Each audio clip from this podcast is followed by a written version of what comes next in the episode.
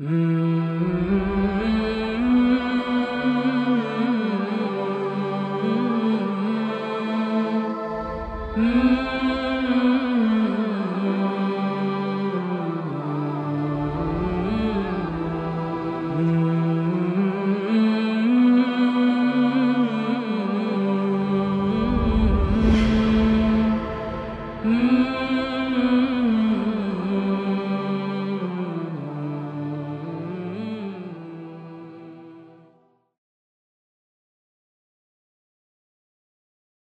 Bismillahirrahmanirrahim. Elhamdülillahi Rabbil alemin ve sallallahu ve sellem ala seyyidina Muhammed ve ala alihi ve sahbihi ecma'in. Üçüncü bölümüne geldik. Gazali'mizin Minhacül Abidin isimli kitabından. Bu bölümde bize bir üçüncü vadi açtı. Bu vadide karşımıza çıkacak engelleri söyleyecek. Neyin engelini? Allah'ın cennetine gitmek istiyorduk. Bir ilim vadisi var demişti. Açtık onu. Bir tövbe vadisi var demişti. Açtık onu Allah'ın izniyle. Şimdi engeller var. Bu engelleri de aşman gerekiyor. Engellerin bulunduğu bir vadi aşmak gerekiyor. Burada e, kitabımızı bir nebze kenara koyacağız. Not defterimize bir başlık açacağız. Zühd kelimesinin açılımını yapacağız. Gazali rahmetullahi aleyh bizi ashab-ı kiram düzeyinde onların yaşadığı şekilde bir cennet hayatına doğru götürmek istiyor sık sık bundan sonra zühtten söz edecek. Zahit olmaktan söz edecek. Dolayısıyla biz yine onun çalışmalarından İhya Ulumuddin'den büyük oranda derlenmiş olarak bir zühd ve zahit bilgisini defterlerimize kayıt edelim. Neden? Ee, bu zühd ve zahit konusunu zihnimize bir oturtursak daha sonra Gazali rahmetullahi aleyh işte zühd şunu gerektiriyor, zühde böyle yap, zahit olman gerekiyor dedikçe bizi nereye yönlendirmek istediğini anlamış olursunuz, oluruz inşallah. Ee, zühd kelimesini daha çok Yusuf Karadavi sellemullah hocamızın Teysiru Fıkıh Sülük isimli çalışmasından daha ağırlıklı bir şekilde ama özü yine İhya Ulumuddin'e aittir. Çünkü bu tip kalp dünyasına ait konuları Gazali gibi geniş bir şekilde izah eden başka bir alim o çapta yok. Bu sebeple e, o da büyük oranda Gazali'den istifade etmiş.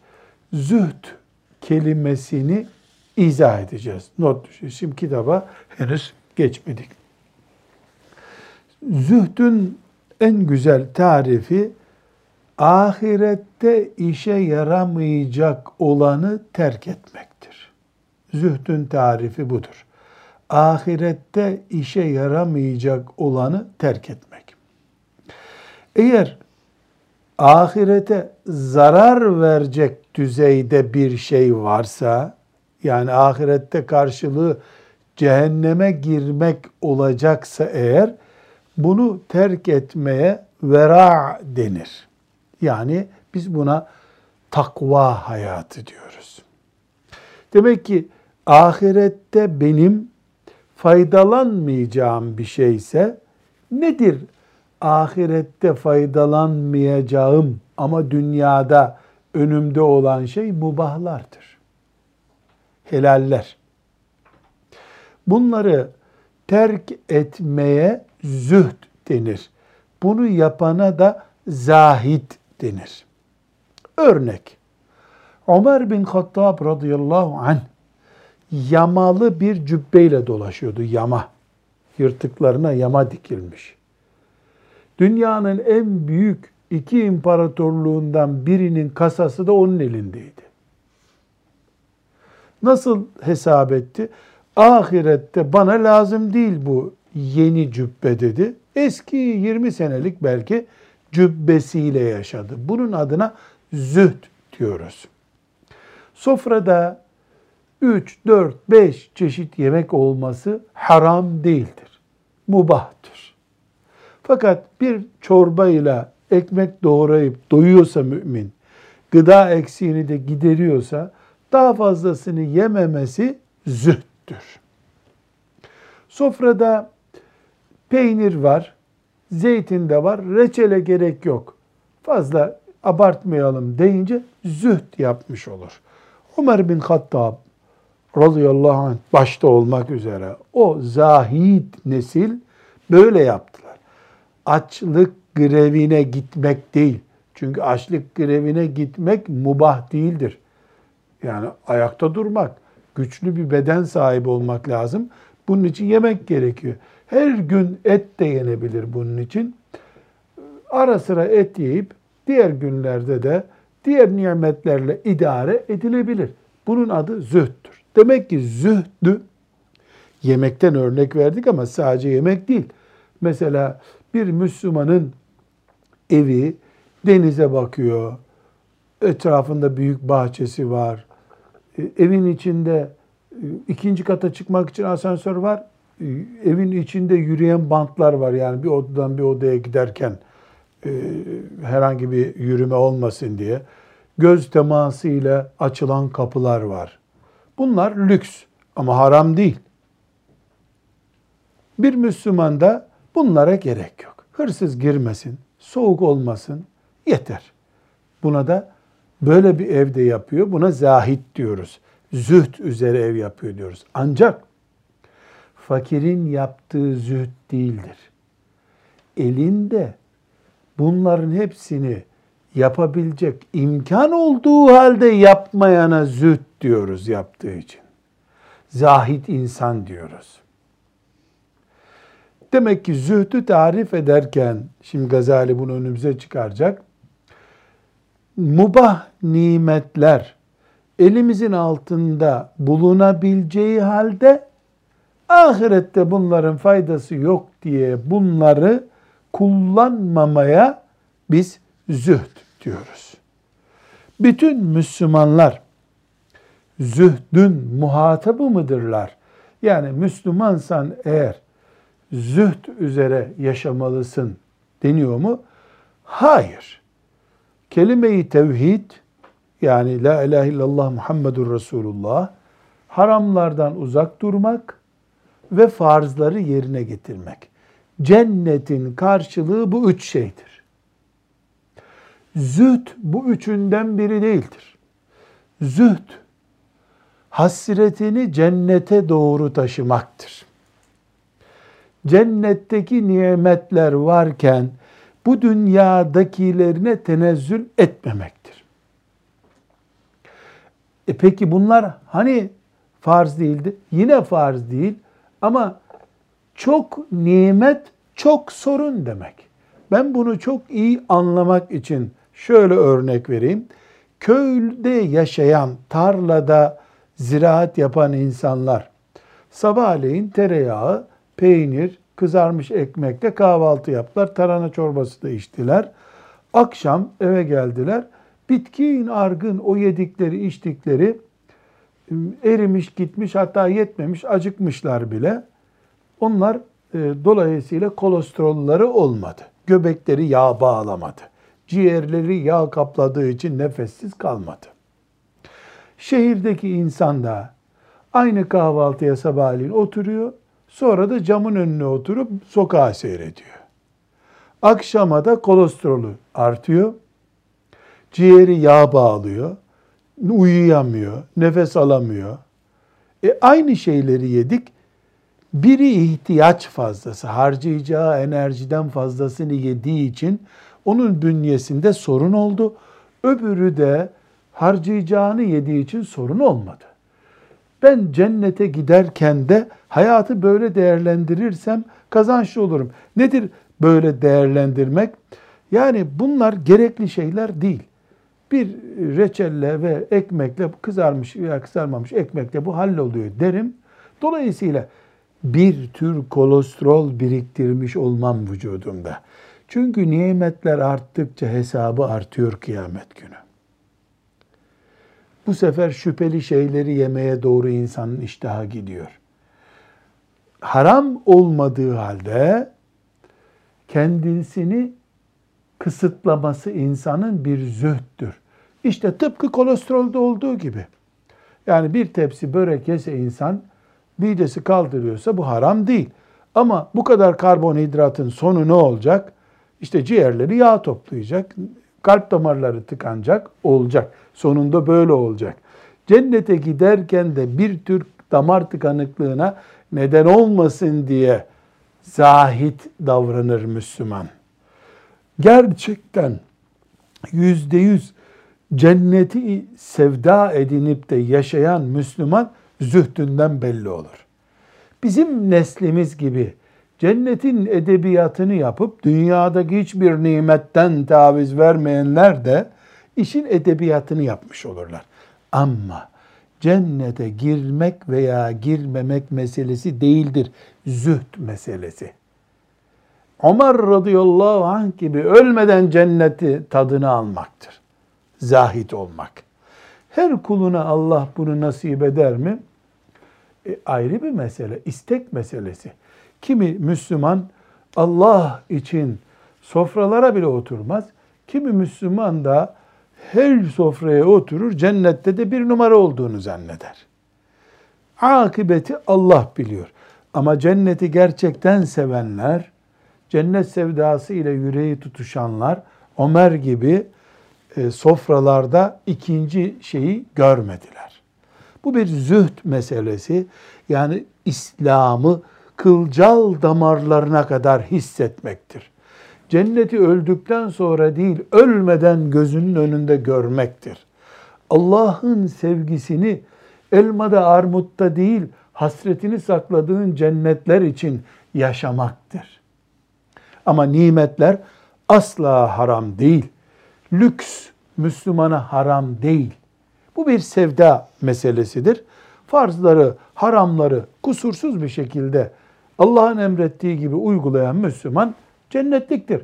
Ama bir cennete milyon sene önce girmek var. Bir de mahşer yerinde senelerce, yüz binlerce sene beklemek var. Biri zaten namazları, ibadetleri hazır, dünyalık nimetlerden de bir sorunu yok. Kolay bir hesapla dakikada bir cennete girmek var. Bir de nimetlerin hesabını vermek için mahşer yerinde ayakta beklemek var. Bu ikisi arasındaki kestirme fark zühtten kaynaklanıyor. İnsan zühte yanaştıkça kendisini Allah'a daha yakın hissediyor. Allah'ı daha fazla seviyor. Allah'tan daha çok korkuyor. Daha takvalı yaşıyor. Daha çok kalbi ağlıyor. Daha çok gözyaşıyla oluyor. O sabah namazını iple çekiyor. Öyle dakikalarca zil çalacak da kalkacak değil. O zaten ezan vakti gelmeden kalkar. Teheccüd ona zevk vermeye başlar. İnfak ederken, cebinden çıkardığı parayı verirken sanki birisinden para alıyormuş gibi mutluluk hisseder. Allah için sevmek, mümin kardeşleriyle bir arada olmak onun için daha farklı olur. Daha zevkli olur. Şehitlik gerçekten ona daha sıcak olur. Şehitliğin lafını yapmaz. Özlemini duyar içinde. Bütün bunları sağlayan nedir? Yük azalmasıdır. Korsan bir yük olmasa da nimetler, dünya nimetleri yüktür. Yemek yersin bir yüktür. Koltuk sahibi olursun bir yüktür. Araban lüks olur bir yüktür. Dünyada Allah helal de olsa, mubah da olsa ne verdiyse sen onu omuzlandıkça omuzlarına yük koyuyorsun. Dolayısıyla o yükler sendeyken sabah namazına kalkarken çok ağır bir siklette yük kaldırıyor gibi olmak zorundasın. Zahit insanın böyle bir derdi yoktur. Onun ölüm korkusu vardır. Ama ne için? Rabbimle nasıl yüzleşeceğim diye korkar o. Zahit olmayanlar nasıl bu nimetlerden ayrılacağım diye ölümden korkarlar. Çok fark var ikisi arasında. Ebu Bekir radıyallahu anh da öleceği zaman ağladı.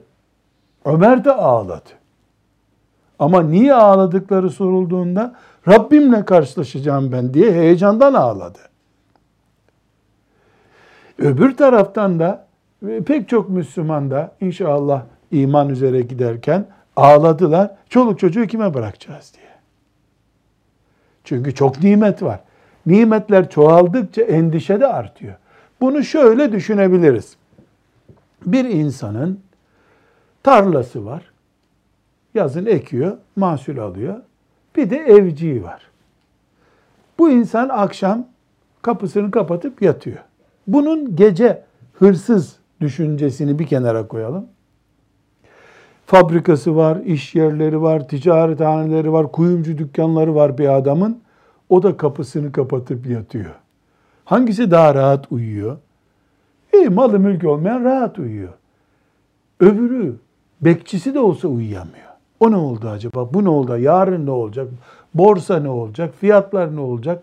Onun uykusunu bölen çok şey var.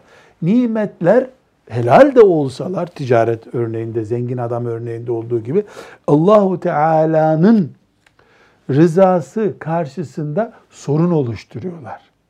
Bu sorun yasaklama sorunu değil bunu unutmuyoruz. Yasaklama sorunu değil. Tercihini o yana yapmıştır kul. Nedir tercihi? Verdiği kadar ben Allah'ın nimetleri alırım demiştir. Buldukça yemiştir, buldukça yemiştir. Göbeği yağ bağlamıştır. Ondan sonra spora gitmek zorunda. Spora gidecek. Niye? Bu göbekle yürüyemiyor çünkü. O sebeple işte Müslüman da nimetleri bol bol aldıkça cennetin giriş, giriş istikametinde e, ciddi bir şekilde engel olacağından korkuluyor. Zühd açısından. Peki zühd ne demek? Sıfır günah olmaya çalışmak demektir. Bilhassa kebair günahlar. Kebair günahlarda sıfır olmak gerekiyor. Hem kumar, piyangosu vesairesi olacak. Faiz eksik olmayacak. Zühd, e, ne zühdü olacak? Ramazan'da oruç tutuyor, yemek yemiyor. Böyle zühd olmaz ki. Kebair sıfır bir defa. Ancak kebairde hemen zinadan örnek verdik. Hemen kumardan örnek verdik. Faizden örnek verdik. Gözden kaçan kebair günahlarda var. Anne babaya itaatsizlik mesela. Yalan şahitlik, nemime, kibir, ucub, haset bunlar bunlar da kebair günahlardan. Kebair günah deyince şeytanın en büyük taktiği bir zinakarı, bir hırsızı hemen önüne koyuyor. Tamam da anne baba bedduası kadar büyük günah yok ki. Bunu unutmuyoruz. Bir de bu asrın öne çıkardığı, aslında insanlıkta vardı. Bu asırda ciddi bir şekilde öne çıkmış büyük günahlar var. Siyasi zulümler. Siyaseti kullanarak insanların e, zulüm görmesine sebep olmak büyük haramlardandır. Aynı şekilde mesela tarımda kullanılması insan sağlığı açısından sakıncalı olan ilaçları, hormonlu katkıları, gübreleri kullanıyorsun. Çoluk çocuk bütün o bitkiyi yiyenler zarar görüyor. Bu da büyük günahlardan. Yani günü büyük günah deyince sadece hırsızlığı almıyoruz. Aynı şekilde mesela internet veya basın yoluyla insanların ahlakını bozacak işler yapmak bundan daha büyük günah olur mu? Şeytanlığın ta kendisi. Bunlardan sıfır olmak gerekiyor. Bir de küçük günah abonesi olmamak gerekiyor. Şimdi niye büyük günahları sıfır dedik, küçük günahlarda abone olmayacaksın dedik? Şundan dolayı sıfır küçük günah mümkün neredeyse değil. Ve küçük günahlar büyüklerini çağrıştırıyor. Bu sebeple küçük günah işlenince bunu hemen tövbe ile kapatmak ve süreklileştirmemek gerekiyor. Aksi takdirde insanın anti günah hassasiyeti ölüyor küçük günahlarla. Sigarayı örnek verelim. Sigara diyelim ki, diyelim ki küçük günahtır.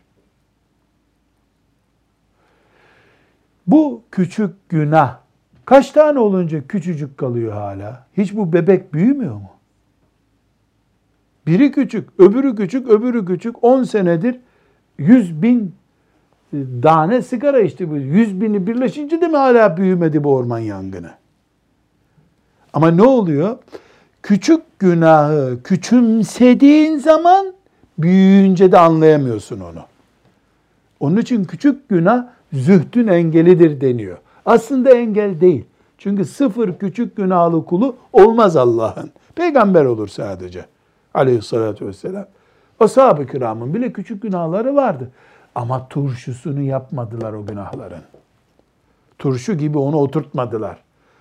Bir küçük günah kazara çıktıysa onlardan bin sevapla tertemiz yaptılar onu. O sebeple küçük günahı küçümsemek ileride büyük günaha aday olmak demektir. Ve zühdün en önemli şartlarından biri şüpheyle bir arada durmayacaksın. Şüpheli şeylerden uzak duracaksın. Niye? Çünkü şüphe bir hastalıktır. O senin bünyene girdiği zaman şüpheli bir şey. İşte kolası şüpheli. Kola şüpheli bir içecek çeşidi. Diyelim haram olduğuna dair elimizde kat'i bir bilgi yok. Ama şüpheler yarınki hastalığın işareti. Dolayısıyla şüpheli ortamdan uzak duran insan e, zühd yolunda yürüyüp yarın zahit olabilir. Peki zühdle ilgili bilgi edinmek isteyen ne yapmalı? Ee, ilk asırlardan itibaren zühdle ilgili ciddi ilim, ilim kitapları yazılmış. Bunların en değerli iki tanesinin ismini vereceğim. Abdullah İbni Mübarek 180 e, yılında vefat eden Ebu Hanife rahmetullahi aleyhin zamanının insanlarından hadis alimidir, tabiindendir. Ee, Abdullah İbni Mübarek e, büyük zahitlerdendir. Kitab-ı Zühdü isimli kitabı da vardır. Abdullah İbni Mübarek'in tabi ile ilgili, tabiinden olduğu ile ilgili net bilgi vermeyeyim. Tebeut tabiinden olma ihtimali daha yüksek. Ve Ahmet bin Hanbel bildiğimiz Hanbeli mezhebinin Ahmet bin Hanbel'in Ez-Zühd isimli kitabı vardır. O da 241 yılında vefat etmiştir. Bu, bu kitap mesela ben zühd nedir? Ashab-ı kiramın, ben zühdün genel mantığını anlatıyorum ama bir de ashab-ı kiramın nasıl bir zühd yaşadığını görmek istiyorum diyen için Abdullah İbni Mübarek ve Ahmed İbni Hanbel'in Zühdü isimli kitapları ibretle okunabilir. Zühdü ile meşhur olmuş insanların da isimlerinden zikredelim. Allah bizi ola ki herkes sevdiğiyle beraber olduğu zaman da e, onlarla beraber eder inşallah. Zahitlerden olmaz. Ömer bin Hattab bir numara. Zühdün bir numarası. Peki Ebu Bekir radıyallahu anh niye anmadık? Ümmetin bir numarası. Bir numaraları konuşmuyoruz. Ebu Bekir radıyallahu anh'ın önünde Kisra sarayının altınları, mücevherleri olmadığı için. Vardı malı, hepsini Allah için verdi, sıfır gitti. Vefat ettiğinde sütçülük yapıyordu. Koyunları olanların sütlerini sabahleyin sağıyordu. Karşılığında da bir bakraç süt alıp onunla geçiniyordu. Ama Ömer bin Hattab kendisine maaş bağlasa 40 tane sarayı olurdu. İmparatorluğu devraldı. Onun için Ömer bin Hattab'ın e, muadili yok. Ebu Bekir radıyallahu anh'tan daha üstün olduğunu göstermiyor. Bu alanda bir numara. Ali bin Ebi Talip radıyallahu anh. Çok önemli bir isim. Ebu Zer el-Gılfari, Selman el-Farisi. Bunlar ashab-ı kiramdan e, zühdleriyle meşhur insanlar. Tenezzül etmemişler. Ekmekten fazlasına tenezzül etmemişler. Ayaklarıyla tepmişler dünya nimetlerini. Ali radıyallahu anh'ın meşhur sözünü hatırlamamızda şefaatine vesile olması bakımından fayda var. Ne diyor? Ey dünya seni üç talakla boşadım benden uzaktır diyor. Üç talakla boşadığı için de bir daha geri gelemiyor. İkinci bir daha evlenemiyor onunla. Bu ne muhteşem bir söz. Seni üç talakla boşadım diyor. Zühdün abideleri bunlar. Ondan sonra tabi'in neslinden Uveysil Karni, Veysel Karani diye anılıyor. Bizim Türkçemize mahsus o. Uveysil Karni Hasan. El Hasan el Basri. Hasan Basri zaten bir alem. Ömer İbni Abdülaziz, Malik bin Dinar, İbrahim İbni Edhem, Fudayl İbni İyad, Abdullah İbni Mübarek. Bunlar zühdün meşhur isimleri. Hepimiz samimi e, bir dua ile bunlarla beraber Allah bizi haşretsin. Sevgimizi bunların beraberinde tutsun. Yüreğimize bunları taşısın Allah diye dua edelim. Ola ki e, herkes e, aradığını bulduğu bir zamanda biz de bunları buluruz inşallah. Peki burada meselemiz ne bizim? Dünya nimetlerine zühd etme meselesidir. O zaman zühdün anti propagandasını kim yapacaktır bize? Şeytan. Nasıl yapacaktır? Gurur diyor Kur'an-ı Kerim. La yugurrannekum billahil gurur. Allah'a karşı sizi kimse aldatmasın. Dünya nimetlerinin propagandası zühdün ters tarafıdır. Burada ben hanımefendilerden özür dileyerek dünya onların şimdi. Dünya onların. Dolayısıyla haşa kadınlara aykırı bir söz söyledi dedirtmeyeyim kendime. Ama bir kadın için, genç kız için zühdün bir numaralı göstergesi düğündür. Zaruri ev ihtiyaçları dışında, misafire ikram edilecek 3 kilo 5 kiloluk kavurma dışında düğünde, ferahat edemediğin her şey anti zühttür. Zühdün edebiyatı var, kendisi yok demektir. Babasının parası kasalar dolusu olduğu halde düğün günü talebe gibi evlenen Ömer bin Hattab'ın arkadaşıdır. O dünyayı üç talakla boşamış zaten. Üstelik de fakir olduğu halde üstelik borç harç alarak düğününü lüks yapan haram bir iş yapmış olmaz. Ne dedik? Zühd haramla ilgili değil. Ama sen zühdü boşuna konuşursun artık. Ha, düğünden sonra inşallah zahit olacak. Ölmeyeceğim ölme demiş Nasrettin Hoca. Bu eşek ölmese olur. Yani bu, bu işin reklamları. Bir düğünde müsaade var. Bir de akrabaları geldiğinde, bir de misafirliğe gittiğinde, bir de yeni ev aldığında, bir de eski evde yaşarken. Başka yoksa hep zahittir o. Bu sebeple Ahmet bin Hanbel rahmetullahi aleyhi zühd kitabını alıp ashab-ı kiramın e, zühdünü okumanın yani çok bir faydası yok insana. Gerçekten arıyor musun? Filmini mi seyretmek istiyorsun? Bir filmini seyretmek isteyenler o çok güzel film. Yani insan Ömer bin Hattab'ın yamalı cübbesini görünce insanın gözü yaşarıyor. Duygusal bir film işte. Ama bir de Ömer, sen de Ömer'i ol Allah'ın. Kapı kapalı değil ki. Ömerlik herkese açık elhamdülillah. Sen de Ömer ol. E, onun için vakit yok. E, o ayrı bir mesele. Onu herkes kendine bulacak. Dolayısıyla bu çalışmayı nasıl başlatacağız? Bir, insan Allah takine göz dikecek. Vitrindekilere değil. Bunu unutmuyoruz. Aynen böyle. Allah takine göz dikeceksin. Bima fi yedillah. Allah'ın elinde ne varsa benim odur. Allah'ın elinde ne var? Cenneti. Vitrindekiler dünya metaı. Mevcudu yeter göreceksin zühd için. Nasıl yeter göreceksin? Eskimedi ki elbisem. Tabi yine bayanlardan özür dilerek söylüyorum. Geçen arkadaşın düğününe bu elbiseyle gittik. İki ay sonra bir düğüne daha gideceğiz. Herhalde aynı elbise giyecek halimiz yok. Tabi bu istisna. Düğün hariç demiştik zaten.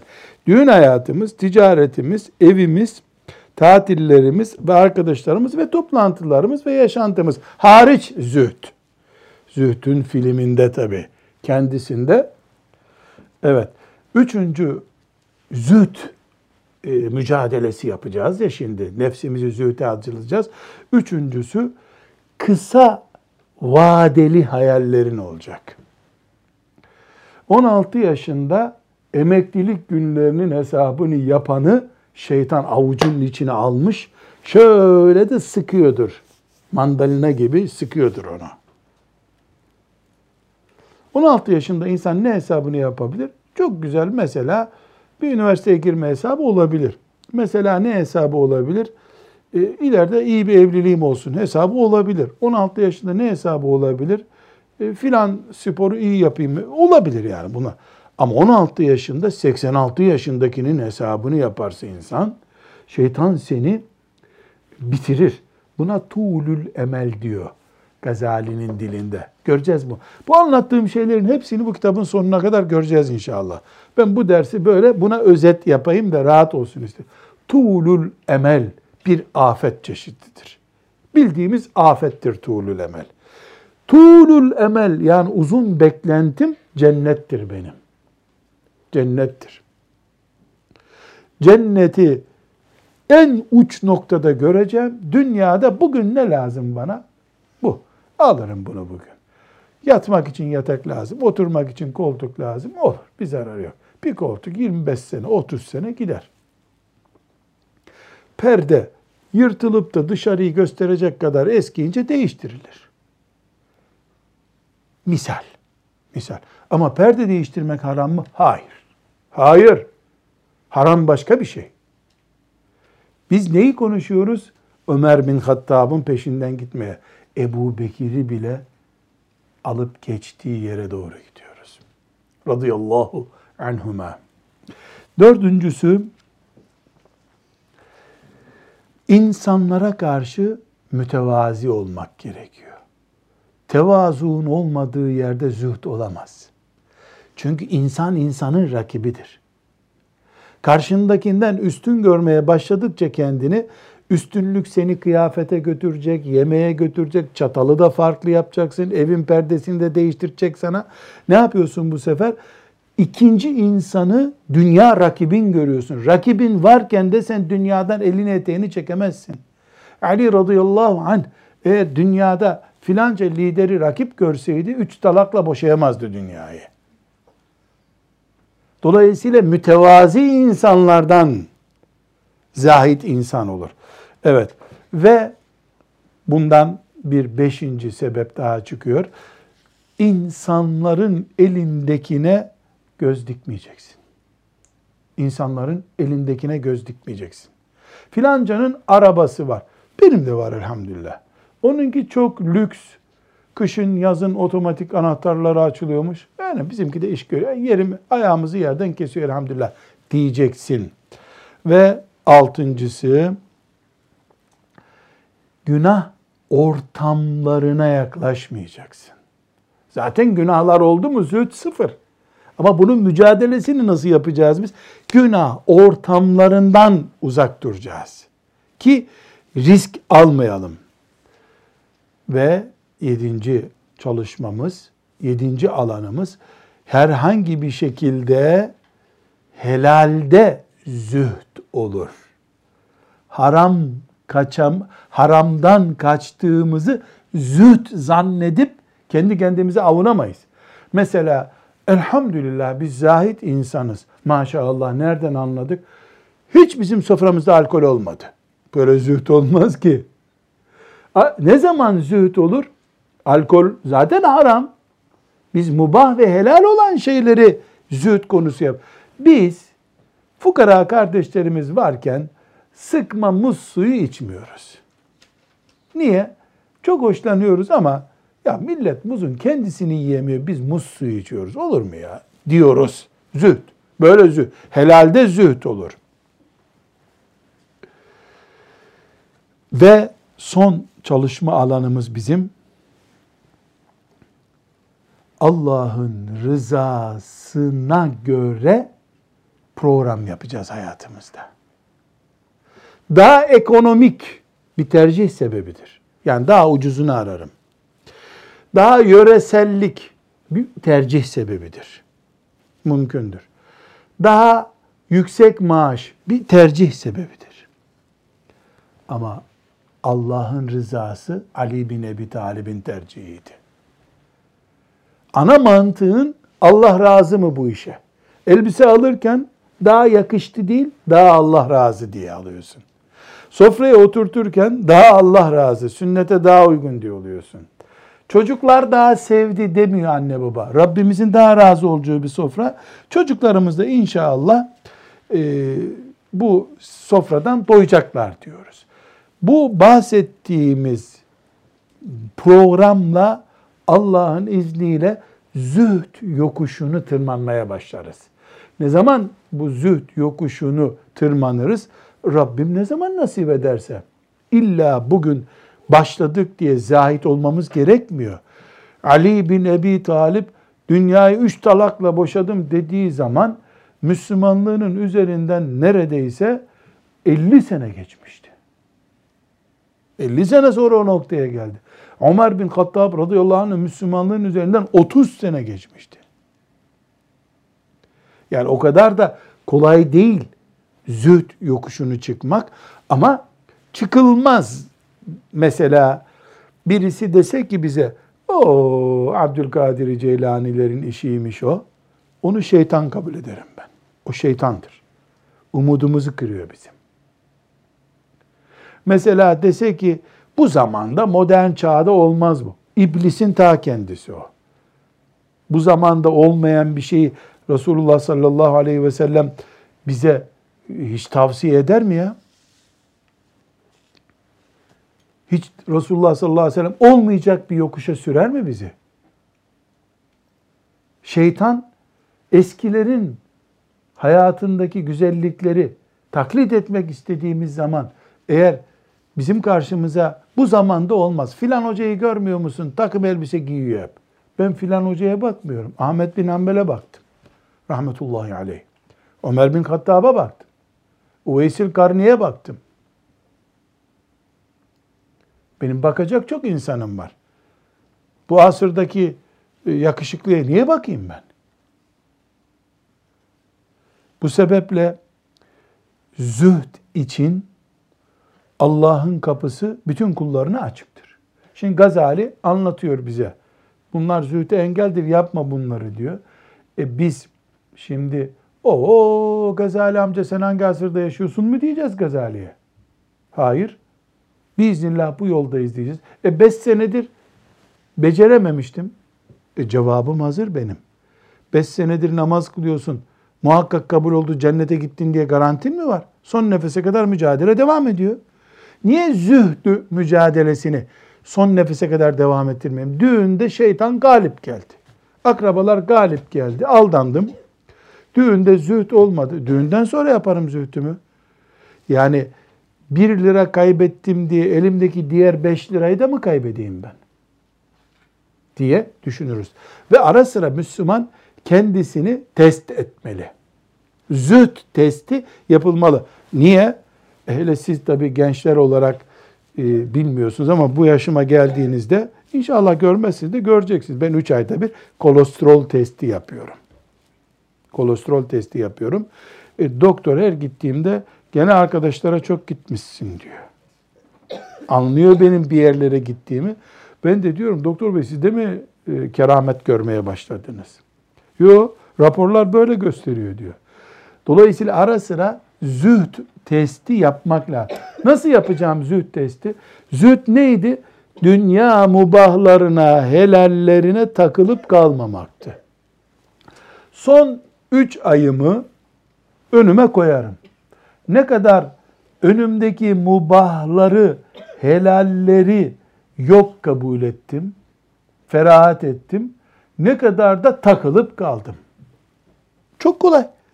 Ben doktora gidiyorum bir sürü de kan veriyorum bunlar ortaya çıksın diye. Ama bu zühd testi için kan vermeye de gerek yok. Mesela ne kadar uykumdan ferahat ettim, ne kadar modern giyinimimden ferahat ettim, ne kadar e, Allah için arkadaşlarımla oturduğumda samimi görüntü verdim. Dünya nimetlerine takılıp kaldığım kadar helal de olsa zühtten taviz veriyorum. Dünya nimetlerinden ferahat ettiğim kadar da zühd üzerinde Allah'ın izniyle yürüyorum. Böyle bir test 3 ayda bir yapmakta fayda var. Bir de zühd testini yaparken ne kadar ölüm aklımıza geldiği de iyi bir test konusudur. İnsan var mezara dayısını gömer, geri geldiğinde de film seyreder. Eş dayı gitti, gitti Allah rahmet etsin. Demek ki sıfır, zühd sıfır burada. Ölümün ibret vermediği insana ayet ne yapsın, hadis ne yapsın? İmam Gazali ne desin ona? Zühd testi şart. Ölüm bunun en güzel testlerinden biri. Mesela şöyle bir teste yapabiliriz. Acaba ben son bir senemde kendimi cennette görüp mesela işte rüya görüyorum cennette. Ayşe anamızın elini öpmeye gidiyorum bir bayan olarak. Sen benim elimi öpme diyor. Sen hep Hafsacıydın. Git Hafsa'nın elini öp şimdi diyor. Ya etme ben seni de çok severdim. Ayşe kampına katılmıştım. Yok. Sen çocuğun olduğunda Hafsa ismini vermiştim. Ben sana küsüm. Ya rüya değil mi? Günah mı rüya işte gördük. Gündüzkü zikrim, geceki rüyam benim. O benim sevdamdan geliyor rüya. Gündüz ben film izleseydim, filmdeki konuları rüya görecektim. Akşama kadar Hafsa, Ayşe, Ümmü Seleme, Hadice diye diye yaşarsam, e onlardan biriyle cennette göreceğim kendimi. Bunlar benim ahiret gündemli 24 saatimin varlığını gösteriyor. Erkek kadın fark etmiyor bu konuda. Gündüz neyle yoruyorsan beynini, gece rüyana onlar giriyor. Bu bir test konusu olabilir. Kendi kendime onay verdim. Ee, Ömer bir, onu geçemeyiz. Ali'yi de geçecek halimiz yok. Neyse ashab-ı kiram geçmeyelim. Ömer bin Abdülaziz de kalsın. Yedi benim herhalde bu dünyada deyip aptalca bir karar da verme. Bu senin zühtü anlamadığını gösterir. Çünkü Ömer son nefesinde bile ağlayarak gitti. Acaba iyi miyim diye. Sen daha o demokratik bir dünyada yaşıyorsun. İşte güya bir şeyler yaptın da Ömer'den sonra ilk sırada. Böyle bir aptalca boşlukta da savrulmak da yanlış ama test yapıp Rabbime şükürler olsun. Yani herkes bir sürü rüyalar görür, apartmanları olur filan. Ben de Ömer'le gördüm kendimi cennette. Bu rüya için sabahleyin bir sadaka vermeye değer. Yani böyle görür mümin. Ama garantide görmek bir aldanış tarzı zaten.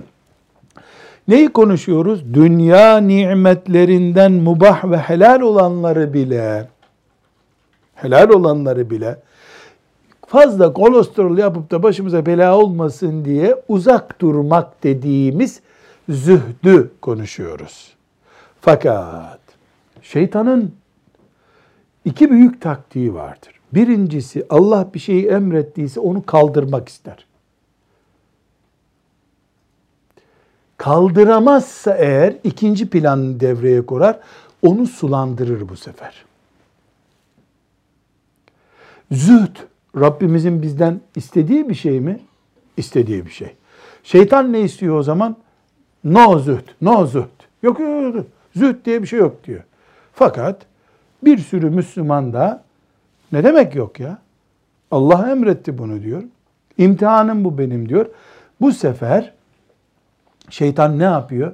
E madem illa yapacaksın orijinal olmasın bari diyor. Uydur bir şeyler diyor. Mesela ne yaptı Hristiyanlar? Zahit olmak için evlenmeyi haram ettiler kendi kendilerine. Ne yaptı iblis? Madem kiliseden çıkmıyorsunuz bari haram üzere durun. Allah'ın helal ettiğini haram edin, cehenneme girin dedi. Kaş yaparken gözlerini çıkardılar bu sefer. Onun için zühdü Allah'ın emrettiği alanlarda yapılır. Ve birinci zühdü yanlış uygulama alanlarından birincisi evlenmeyi kaldırma uygulamasıdır. Evliliği yok kabul eden züht, züht değildir. Evet, gerek duymuyordur evliliğine, evlenmiyordur. Takati yoktur, vakti gelmemiştir. 35 yaşına kadar gerek yok evlenmeme diyordur. Bunda bir sıkıntı yok. Ama 9 hanımla yaşarken vefat etmiş peygamberin ümmetinden birisi evlenmeyerek zahit olamaz. Zahitlerin sultanı Abdullah'ın oğlu Muhammed sallallahu aleyhi ve sellem'dir. Bak onu iyi zahitlerde zikretmedik diye listede değil ki. Zaten zühd o demek. Onun için biz onu anmadık bile. Ondan sonrakilerden bir şeyler yapanları andık. Onun zaten zühdü nereden belli? Bu dağları önünde altın olarak eritelim mi ey Muhammed sorusuna istemem ya Rabbi dedi. Zühd bu işte. Helalinden altın dağları olacaktı istemedi. Öyle bir peygamberden daha zahit olmaya kalktın mı akılsızlık olur bu. Birincisi bu. İki, zühdü toplumdan kopmak değildir. Toplumda yuvarlanmamaktır. Dolayısıyla zühd yapıyorum diye Müslümanların toplantılarına, yemeklerine, akraba vesairelerine gitmemek Müslümanlığın gereği değildir. Tam aksine yanlış bir iştir.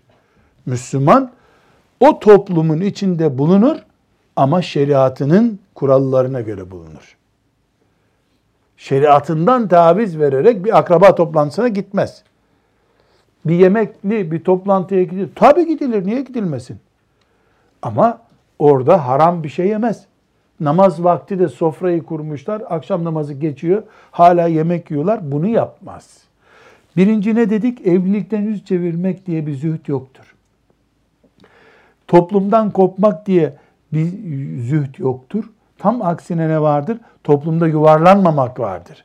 Toplum seni sürüklemesin. Üçüncüsü de dünya işleriyle meşgul olmamak diye bir zühd çeşidi yoktur. Meyhanede işçi olmamak vardır. Alkol satan bir markette çalışmamak vardır. Sabah namazını kılıp işe gidip akşama kadar çalışmak ibadettir. Sen nasıl ibadeti zühd sayarsın? Yani zühte kurban edemeyiz. Zühd var adamda diye sabah namazı kılmam diyebilir mi? Zühd var para harcamamak için ben hacca gitmeyeyim olur mu? Zühd Mubah işlerdi. Ticaret yapmak, para kazanmak Allah'ın emridir. Müslüman para kazanacak. Helalinden kazanıp, helalinden harcayan, israf etmeyen, cimrilik yapmayan, hiçbir şekilde zühdüne engel değildir bunlar. Ama haram kazanırsan, haram harcarsan, israf edersen, o bu seni helak edebilir. Allah muhafaza buyursun. Yasak olan şehvetlerin peşinden gitmektir. Yasak olan başkasında gördüğünü illa sen de harcayacaksın demektir. Yasak olan israftır. Bunlar on israf yok, şehvet tapınmışlığı yok, kör taklit yok, hiçbir sıkıntı yok. Zühte devam. Ve bir konu daha var. Bu konu da önemli. Herkes kendi zamanına göre zühd yaşar. Ashab-ı kiram Rıdvanullahi aleyhim cemiyen kendi zamanlarının zühdünü yaşadılar. Dolayısıyla Ömer yamalı cübbeyle dolaştı. Bu zamanda kumaşın paspas bezi olarak kullanıldığı bir zamanda yaşıyoruz biz. Ömer'in sağlığında kumaştan paspas yapılsa bu bir cinayet nedeni olurdu. Kimin elinde o kadar kumaş var ki? Şimdi kadınlar 2-3 kere giyilmiş şeylerden banyoların paspasını yapıyorlar. Dolayısıyla şimdi yamalı cübbe giymesi bir Müslümanın zühd değildir. Ama her hafta bir elbise değiştirmemesi zühttür. Üç senede bir bir elbise alması bir zühttür. Veya beş senede bir. Dolayısıyla ashab-ı kiram başta olmak üzere Selefi salihinin büyükleri Ahmet bin Ambeller, Abdullah bin Mübarek, El-Fudayl bin İyadlar, Abdülkadir Ceylaniler, Beyazeti Bestamiler bunlar zamanlarının gerektiren zühdünü yaşadılar ve Rablerinin imtihanı kazandılar. İmtihanını kazandı. Biz onları taklit ederek zühd yapamayız. Neden? Çünkü onlar bir dilim ekmekle yaşadılar. Protein ihtiyaçlarını karşıladılar. Ama şimdi meyve yemediğin zaman havanın bir sürü mikrop taşıdığı bu dünyada grip oluyorsun. Belli bir gıdanın altına düşemiyorsun. Çünkü onların annelerinin onları emzirdiği sütte bugün adı şanı bilinmiş hiçbir meyve bile yoktu. Meyve yemez bir yani o annelerin sütlerinden aldıkları gıda bugün çöp denecek kadar basit bir gıda. Beni emziren annem onlarca meyve, onlarca gıda çeşidiyle o sütü alıyor. Benim ilk gıdam o süt olarak geldiği için ben 20 sene sonra o gıdaların ciddi bir şekilde rigid bir kararla altına düştüğüm zaman hastanelik olurum. Bu zamanın zühdü israf etmemek şehvete tapınmamaktır. Baklavadan sonra bir de kadayıfın tadına bakalım dememektir. Doktor sağlık açısından uygundur dediği her nimeti yer insan. Kuralı unutmuyoruz. Bu zamanın zühdü bu zamanın nimetleri ve insanına göre olacak. Önceki nesiller kendi zamanlarına göre. Mesela yürüyerek hacca gittiler. Zahitliklerinden dolayı. Burada yürüyerek sen bir köyden öbür köye gidemiyorsun. Araba çarpıyor sana. 3000 kilometre İstanbul'dan Mekke'ye nasıl gideceksin yürüyerek? Zühdü komik hale getirmemek lazım. Bunun bir alt paragrafı daha var. O da şudur. Önceki mübarek nesillerden anlatılan zühd çeşitlerinin bir kısmı, bir kısmı tamamı değil, şu anda dinlendiğinde inanılmayacak şeyler olabilir. Böyle bir şey olur mu ya? Hatta bunu yapanın yani belki de samimi olmadığından da şüphe edebiliriz. Mesela Ömer bin Abdülaziz rahmetullahi aleyh ne yapmış? Mum yanıyor. Mum yanıyor. O mumda bir şeyler yazıyor. Valilerine mektup yazıyor. Oğlu geliyor. Bir soru soruyor ona. İşte annem şöyle dedi. Ne dediyse artık. Bir dakika bir dakika oğlum diyor. Bir dakika diyor. Mumu söndürüyor. Cebinden mum çıkarıyor. Evinden getirdiği bir mum. Onu yakıyor. Ne dedi annen diyor oğlum. Onu konuşuyorlar. Niye? E biz özel aile meselesi konuşuyoruz. E şimdi devletin mumu yanıyor, hakkımız değil diyor. Zühd mü bu? Alimallah, zühd ötesi bir şey bu. E şimdi bunu açıp e, aşağı inip şarteli kapatıp bizim evin elektriğini buraya bir hat taşıyalım diye getirelim diye uygulayamazsın ki bunu. Ömer bunu bir kere uyguladı, Rabbine kavuştu. Şimdi cennetlerde kim bilir ne nimetler içinde karşılığını buluyor. Bu zamanın zühdü açık kanunla sana helal edilmemiş bir şekilde belediyenin memursun oradan diye imkanlarından istifade etmemendir. Sadece sana belediyenin arabasına binip filan yere gidebilirsin demiş kanun. Sen hanımını da arabaya koyup götürmemendir. Yarı izin verilmiş, yarı verilmemiş. O tenezzül etmemendir öncekilerin bazı zühd uygulamaları bir tür ör, bize komik gibi, anlamsız gibi gelebilir ama asla buna biz e, kanmayız. Komik değil. O zaman da harikaydı bu. Cebinde mum gezdiriyormuş. Devletin mumunu özel işim için kullanmayayım diye. Kur'an okurken de devletin mumunu söndürüyor, kendi mumuyla okuyor. Ömer bu. Yapar. Ömerler yapar. Senin de deden Ömer İbni Hattab olsaydı sen de öyle yapardın. Şimdi ise bu zamanın zühd ayarını iyi yapmak lazım. Yani çocuklarımız takva yetişsin diye protein almıyorsun. Yumurta almıyorsun. Et eve sokmuyorsun. Yo bu yanlış. Yanlış. İnsan zaten sakat doğuyor. Doğmadan sakat doğuyor insan. O topraklı hayatta daha sağlam yaşıyorlardı onlar. Bu tip şeyleri e, öne çıkarıp yani şeriatımızı lekeli hale getirmek de aslında yanlış bir şey. Burada dinde aşırı gitmek diye bir nokta karşımıza çıkar bu sefer. Efendimiz sallallahu aleyhi ve sellem ne buyuruyor? Dinde aşırı gitmeyin, din büyüktür, ezer sizi diyor. Kaş yaparken göz çıkarmak denir. Aile dağılır, çocukların senden nefret ederler. Çünkü bu farz değil. Ramazan orucu gibi bir şey değil. Daha takva olacağım diye dağınık bir ailen olur. Bu yanlış. Bu tür hatalara düşmemek için en sağlam kaynaklardan birisi İbnül Cevzi rahmetullahi aleyhin Telbisu İblis isimli kitabıdır. Türkçe zannediyorum var Türkçe'de ama ismini bilmiyorum Türkçe. Bu çok değerli bir kitap. Telbisu İblis. Kur'an okurken, tasavvuf zikri yaparken, ibadet yaparken, cihad ederken, siyaset yaparken vesaire onlarca başlık altında iblis hani dedik ya önce yok yapmaya çalışıyor. Onu beceremezse sulandırmak istiyor. Sulandırmayı nasıl yapıyor iblis onu anlatıyor. Zühd konusunda da bu sulandırılmış şeylere örnekler veriyor orada. Telbisü iblis biraz ağır kitap tabi. Tartışmalı böyle yani mesela Arapçası zannediyorum bu bizim e, Minhacül Abidin kitabımız kadardır. Yani üç ayda anca okunur.